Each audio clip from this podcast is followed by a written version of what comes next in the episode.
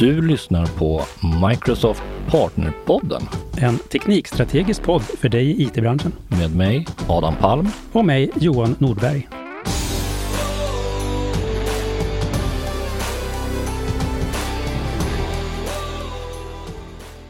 Hi and welcome to the Microsoft Partnerpodden uh, with me, Adam Palm. And me, Johan Nordberg. And today we have a guest from Portugal called Jennifer. Jennifer, please introduce yourself and let us know a little bit about you and what you do.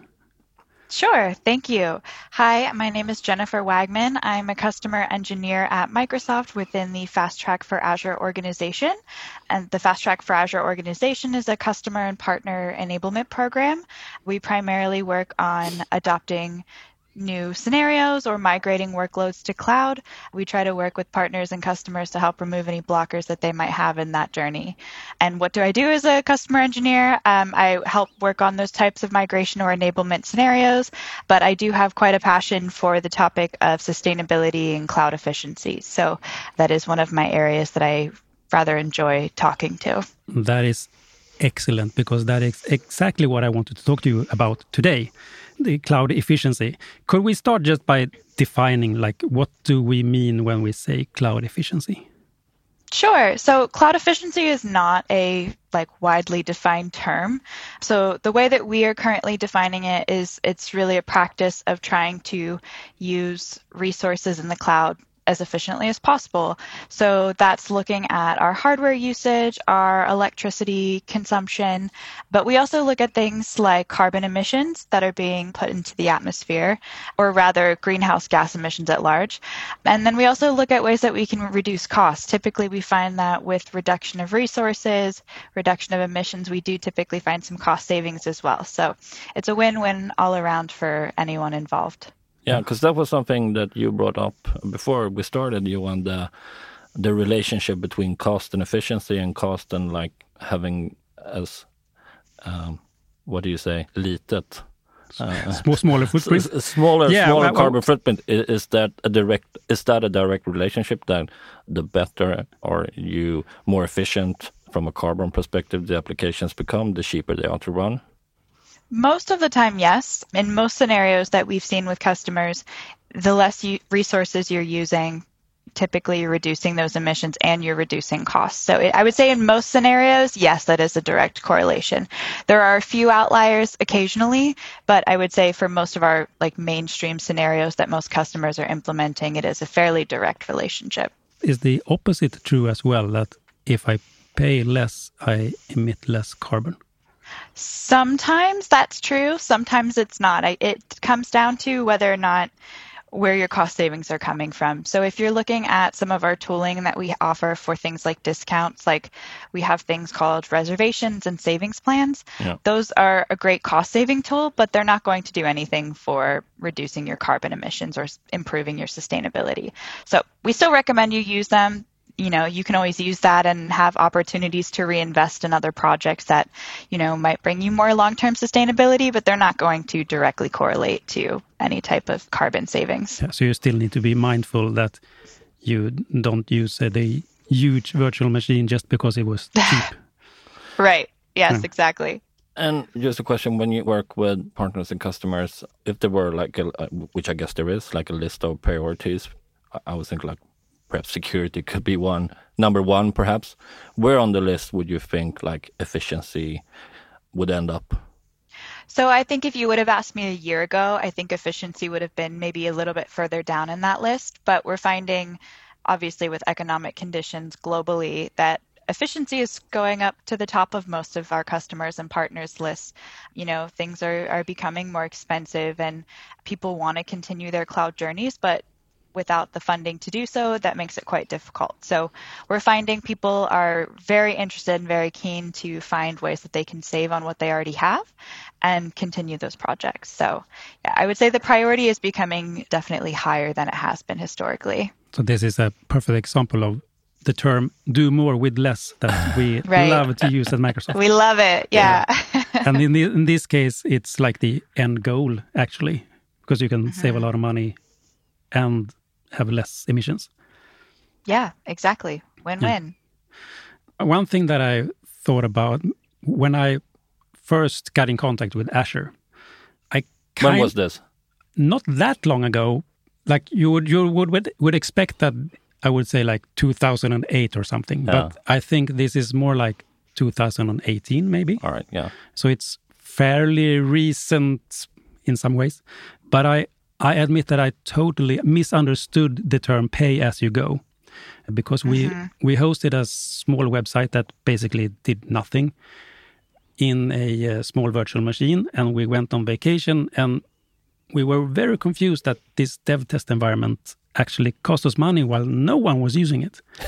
uh, so now it's obvious why, because if I have a virtual machine running, I need to pay for it to be up. But at that time, it, it was not.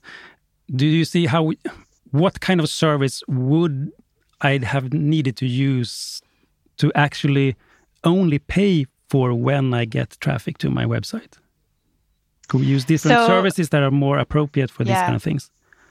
Yeah, there's definitely more services that I would probably have recommended in that type of scenario. So if your expectation is truly only pay when you're actually using that resource, something like microservices is probably a better fit for the architecture to support that workload. Whereas with our traditional virtual machine resources, if it's on, it's charging you money. Yeah. You know, there's not really any way around that. So that's that can be a harsh reality for those who are new to cloud and they don't anticipate the way that we bill for certain things. Yeah, because we kind of sell it like you only pay for when it's actually used. And mm-hmm. if it's if it's not used it doesn't cost you any money. But that is only true if you understand what usage yeah. really is. Right. Not something yeah. that's provisioned. Yeah. Exactly. Yeah. Yeah, because I think, you know, so like type the scenario that Johan just brought up. I mean, like your typical customer, and I think especially if you look at, you know, smaller companies SMB, SMC market. I mean, usually they have a couple of hundreds virtual machines. Uh, they do a, a, lift and shift. I guess that would be the first step. What are the like the easiest way to start? You know, cutting the bill uh, basically to just move from you know just having, let's say they had 300 virtual machines. So what's the easiest way to start saving money? Would you say? Sure. So I think this is sort of a multi phased approach, at least in my mind. I'm going to assume we can kind of start from the beginning of maybe they haven't even made the full commitment that they want to make that migration to cloud yet. So there can be some tooling that can help you understand the cost savings that you might expect during just that lift and shift migration alone we offer a tool called Azure Migrate. And within that tool, once you've sort of gone through the initial steps to like run the assessment of your on prem environment, you can build a business case, or I think it's called like a business justification case.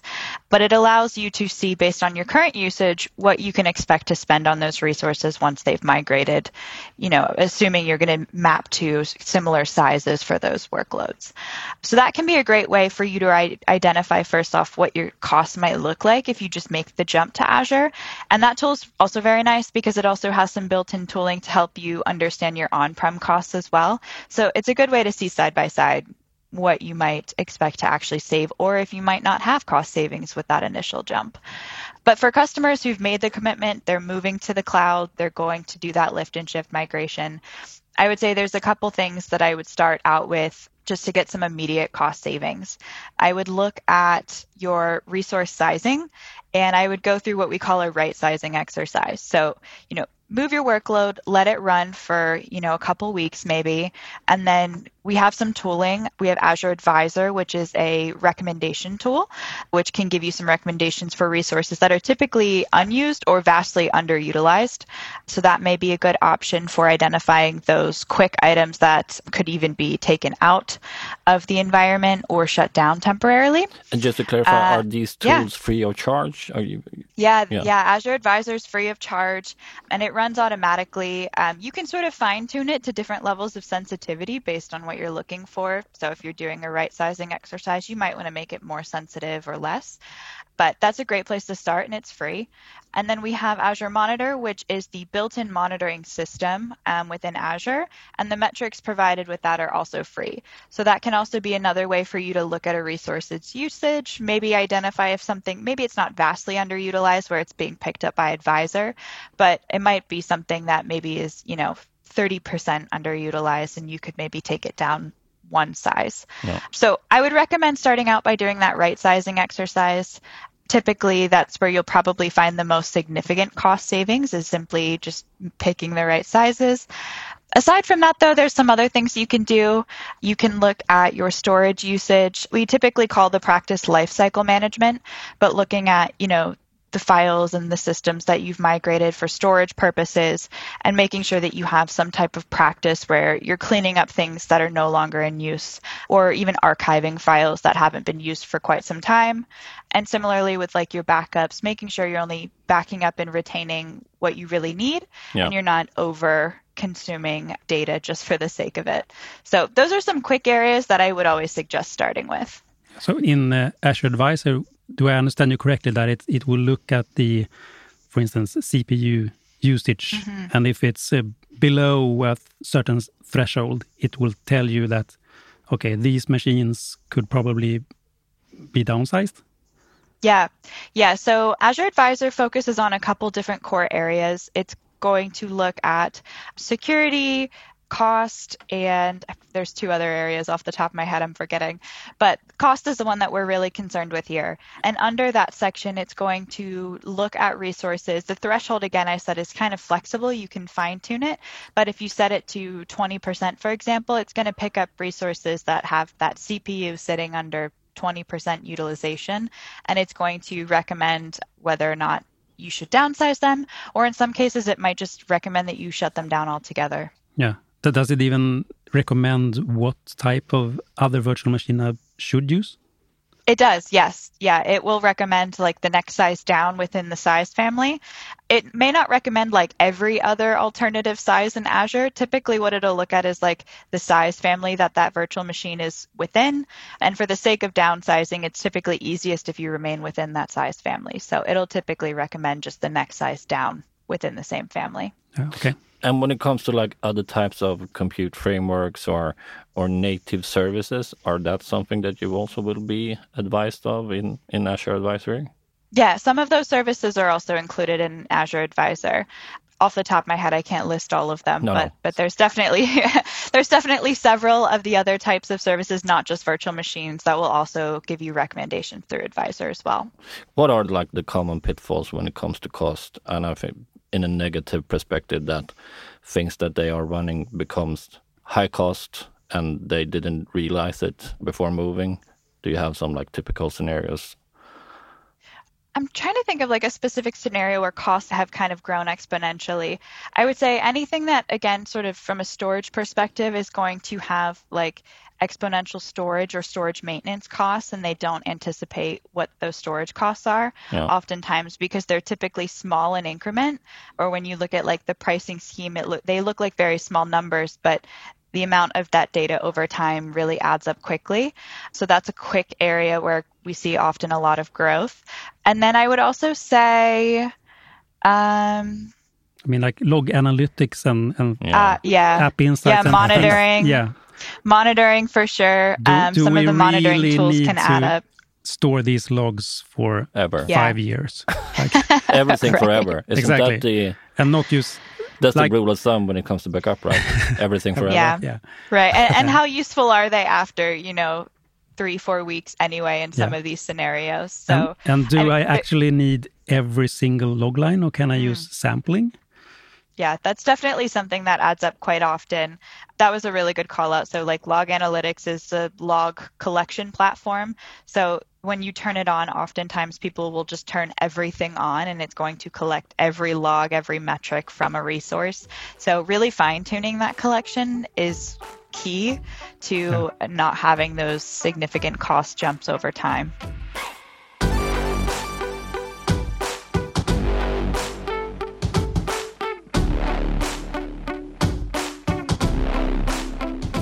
Another thing that I think might be scary when moving to the cloud is that you actually do pay for what you use. Yeah. And how can I mm-hmm. make sure that I don't get a higher bill than I'm able to pay with my customer base, for instance? Mm-hmm. So I would say if you have certain budgets that uh, you're trying to stay within the cost management suite, there is an option for you to configure a feature called budgets, which is nice because it allows you to set, you know, quarterly, monthly, yearly budgets for your workload or for your team. It can even be set for your entire subscription, but it allows you to then have like dynamic monitoring on your spend and you can also set up alerts that correlate to specific thresholds within that budget. So if you've spent 50% of your budget, 75% of your budget, you can be notified of that spend before you get to that point of, you know, spending that that entire budget on your Azure resources. And that's a really good way to just I think have awareness of what's being spent in your environment and not waiting until the bill comes to say, Yeah, oh no, we've exceeded what we expected. So, yeah, having that set ahead of time, there's no cost to you to have a budget predefined, but it can really save you in the long run when, as far as just awareness goes. Yeah, I think so too. Yeah. I mean, it's quite scary when something doesn't break, it just continues to, mm-hmm. to grow. It's simpler when you have a, your own physical server that if you get massive amounts of traffic, it won't keep up, but No. it's still the same cost. Yeah. Here it's quite the opposite that it can scale, but Yeah. it will also cost you. Right. Yeah. Does this kind of things like uh, right sizing and Azure Advisor and this kind of tooling, does this require me to use um, hyperscalers or could this the, the same exercises could they be done on prem services as well? I think to some degree, yes. You know, I think if you have on prem monitoring tools already in place, look at your resource usage and try to reduce what you're using and your sizing from that perspective as well. I think that we all have a responsibility, you know, to reduce our consumption no matter where we can. So I think while you may not have the same tools available to you that you have in Azure, you can still leverage some of the similar practices of right sizing or looking at your storage management on prem as well. So I think the concepts apply, the processes and tooling may look a bit different, but I think there's a lot of similarities and overlap in both environments. Yeah. I would like to pick your brains, both of you, on something because everything for the past years has been everything has been microservices, microservices, microservices all the time. Now some conversations going on that you know microservices ain't always the best way, the best approach, and that sometimes monolithic applications might be better from a cost perspective, but also you know basically from a performance perspective. Is this something that you guys have picked up on and? Do you Yeah, have I, an thi- I opinion think, I think that? the uh, article from the uh, Prime team on, on yeah, on- Amazon, on, on Amazon. got, yeah, that was yeah, the that I got a lot of about. attention. Yeah, Um, And I think the devil is in the details in that one. Yeah. It's it's Yeah. easy to say monoliths are better. We knew it all the time. but then you actually need- Everyone would love to hear that, right? exactly. but then you actually need to you need to read the article. yeah, yeah. I No, didn't. yeah, no, I, I guess. Have you read it, Jennifer? I haven't read the article, but I think you're right. There's always going to be scenarios where there's outliers to, Yeah. you know, one or the other being better. I think, you know, like you said, the devil's in the details. Context matters. So I think, you know, there's always going to be workloads that are optimized for either option. You kind of have to know your environment best and, and what your end users need and what your application can run with. Yeah, and I think in, in their case that they did so much like uh, logging and communication between these services Yeah. that happens over the network in this case instead of just having it from one memory address to another almost. Yeah. But for me, that was such a good example of not like picking sides, but looking at the whole toolbox and say, okay, I need to build this thing. What tools, plural, should I use? Yeah, And some part of it mm-hmm. might be microservices, other might be a monolith or yeah. It, just, it made such big waves. I Yeah. feel like that article, and it just LinkedIn was basically for a couple of weeks just full with posts. Yeah. Like my whole my whole feed was just this article or discussions about the article. it's like the ultimate clickbait headline. Yeah, yeah, No, no. yeah. Yeah. it's a very hot button topic you know people want to know are they making the right jump if they invest in these microservices? Are they is it a waste of time to do so? And I think, you know, again, the context matters of, of the details here. But I think it's really it's a cool topic to bring up though, because I think it brings back the need of of not just migrating to the latest and greatest products that we offer, but really investing in optimizing what you already have. Yeah. And there's so many opportunities to look at what you currently have and try to do it better and do it more efficiently, use resources as well as you can. So I think it is a nice conversation to have because there's always going to be scenarios where jumping to the latest offering isn't going to be ideal. No. And it's, yeah, as you said, it's a good uh, conversation to have just to make people think about these things. But uh, mm-hmm. like fast track, I mean, your job, Jennifer, because I think knowledge is basically a factor here. The knowledge that the customer have partly about their own applications and workloads, but also on the native services that we offer and other offers as well. How much of your job is like guiding them and helping them out to figure out their own application and workloads and what would be a good fit in the cloud? Quite a lot of it, actually. We typically have customers that come in with a specific scenario in mind, and they might come to us saying, We want to migrate this particular workload. Typically, they do have an idea of whether or not they plan to do like a lift and shift or a modernization type of project, but in not not all scenarios. So usually we scope out those customers when they come to us. We sort of see what their existing environment looks like. We'll get an engineer talking with them to see what their expectations are and what their needs are, and then we'll align the right team to make that happen. So it depends. Um, yes, we don't always have customers that come in with a clear idea of what they're looking for, so we do have quite a lot of of role in making that decision. Yeah. And like from an operations perspective, like how big if you go from like a um, VMware on-prem environment, how different is the operations in, you know, in cloud compared to uh, that? It's definitely it's a whole new management suite, and that's really I think the biggest jump that people maybe don't expect when they make that migration to cloud. It's a whole new set of tools, it's a whole new set of features. You might have some individuals that have experience with Azure, and you might have some users that have no experience with Azure. So every customer we get is a little different. So we sometimes get customers that have no knowledge of the cloud, and we really kind of work with them from that like 100 basic level of they know what Azure is, but they don't know what they can do. And sometimes we get customers that come in and, you know, they're blocked for some particular reason they really want to deploy or, or do a modernization project, something new, and we come and sort of support with that. So you're right, knowledge is very important, and having the right knowledge of what you can do in Azure makes all the difference. Because I think something that for some reason is overlooked is chargeback. Mm-hmm, they yeah. don't really work with chargeback. They just smatter everything out. What is chargeback? Chargeback. Jennifer, you wanna you wanna yeah, tell I'll us what chargeback it. is?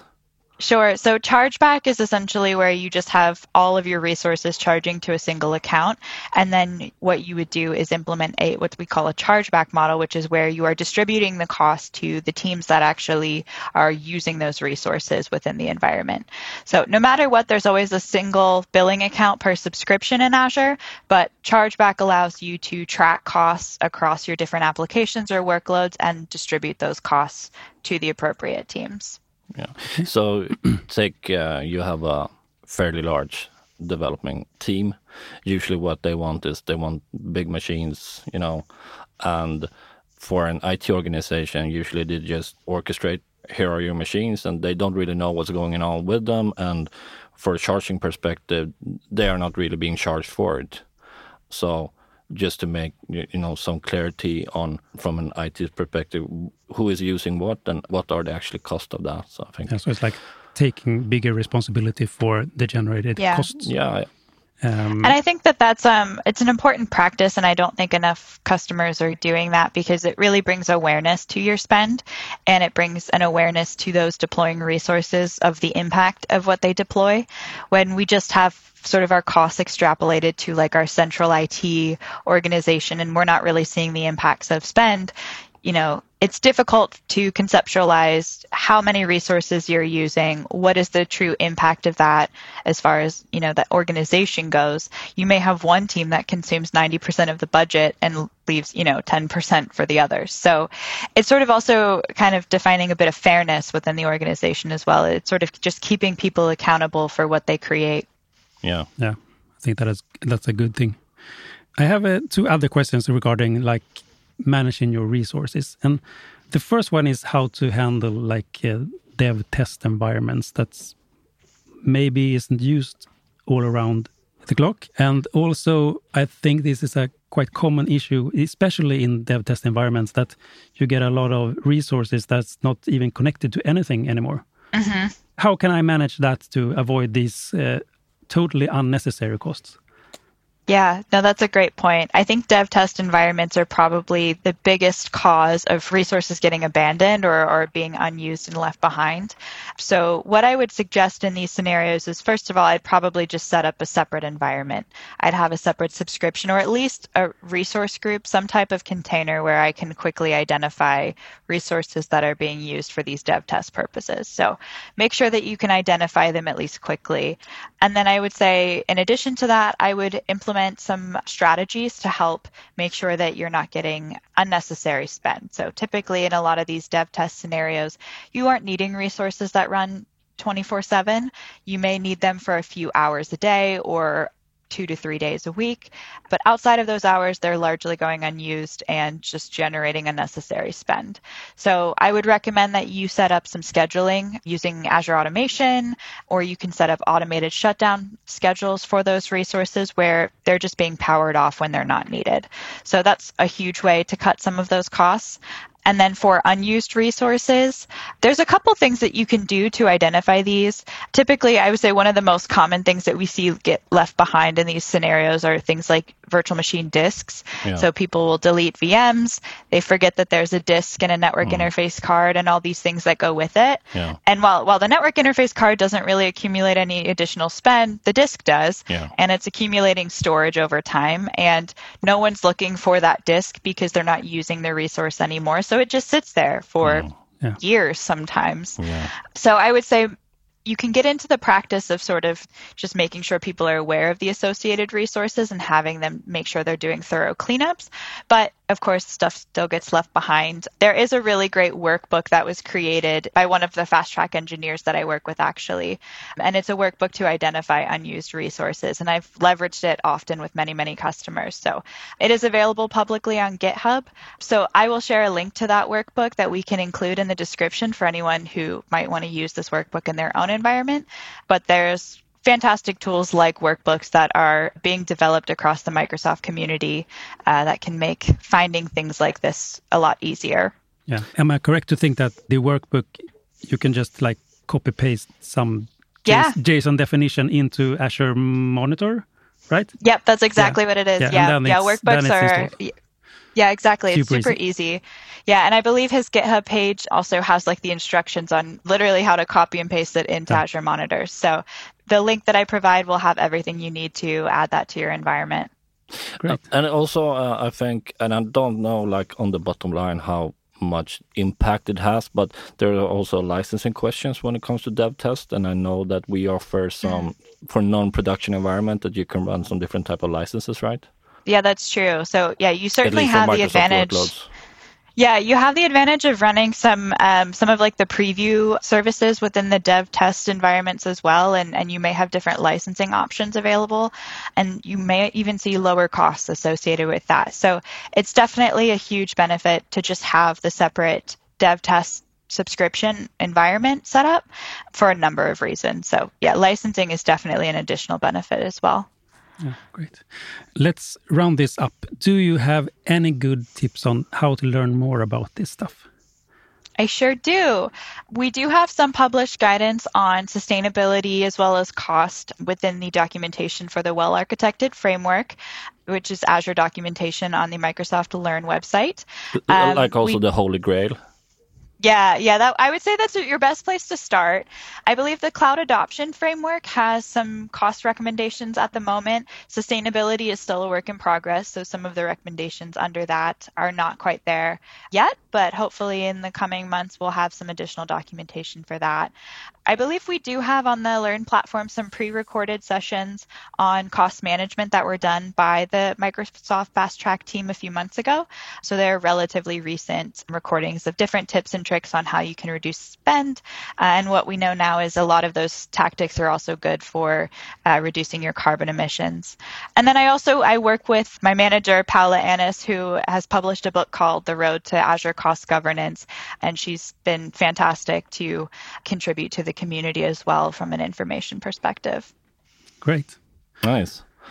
Should we ask the questions? Yes, let's Yeah. ask the questions. Yeah. Yeah. Uh, so we're trying out uh, a segment, segue, segment, segment. Segment. Segue is something else. A segment in the podcast where we have two questions that we will ask every participant. Uh, sorry about that. And um, so here comes the questions. So the first question: Do you want to ask it, or should I? Yeah, and this is like a nostalgia thing. That are there any thing or service or site or something that you used to use a lot that you really miss nowadays? Like a, just a general website. No, it could or be. it could could be a thing. It can could be like, oh, I really miss renting a, a VHS cassette from the local video store. Anything that I mean, that's a really good nostalgic one. Like the we had Blockbuster in the United States, and yeah, I the nostalgia of like going and getting your popcorn all in one place was nice. Hmm. I will say, like, I miss some of like the video games that came out when I was young. I'm 30 now, so like the internet was coming around in my youth, but I didn't spend a lot of time on computers, nothing like I do nowadays. But I remember like the Disney Channel games that I would play on there and like how they were just really, really basic. But that was like the coolest thing ever at the time. So I have a little bit of nostalgia for like the really simple, really old uh, first round of like computer games. Something I really liked uh, when I was young is you bought this. I, I think it was called uh, PC Magasinet. Or it was a. Did you read that one? It was um, a paper, and you usually got a demo of a game with it. on a disc. Yeah, yeah, Ah, yeah. cool. I don't know if I ever read like the actual paper. I would just play the game. uh, okay, uh, so the second question is: What do you think would be normal in ten years, but seems like sci-fi today? Oh gosh. I don't know. I hope from a sustainability perspective, like I hope the move to just having things be far more efficient and having the topic of sustainability be sort of ingrained in everyone's conversation. I don't want to say it seems like sci-fi, but I think there's still a lot of people who aren't fully invested in the topic at this time and I really hope that 10 years from now that's a different view of the world. So that would be my hope that that's no longer, you know, this grand impossible thing, but it's part of our reality. Yeah, I agree. Like, imagine like now still solar panels on your roof seems like Yeah. a thing that you do for money or the environment. But I can imagine like in 10 years, it's the default. And if you don't have it, you must be deranged or something. Right. Yeah. No, I agree. I think that would be, uh, I'd love to see that. Let's make it happen. Yeah, Yeah. Yeah. Well, thank you so much, Jennifer, for talking to us today. Yeah. it was a Thank you for having you. me. This is an Thank you so very much. interesting topic, I believe. Yeah, it is. It is. And maybe you would like to come back sometime. Yes, I would And it love seems to to, be back. a lot of books going around in your organization. People writing books. Are you planning on writing a book? You know, it hasn't crossed my mind yet, but maybe someday. So I, I won't say no, but it's not in progress. Okay. Okay. Okay. Thank you, Jennifer. Take care. Thank you. Thank you so yeah. much. Du har lyssnat på Microsoft Partnerpodden, en podd om Microsoft Sverige med mig, Adam Palm. Och mig, Johan Nordberg. Som vanligt hittar du länkar och resurser på aka.ms partnerpodden. Maila oss gärna på partnerpodden at microsoft.com.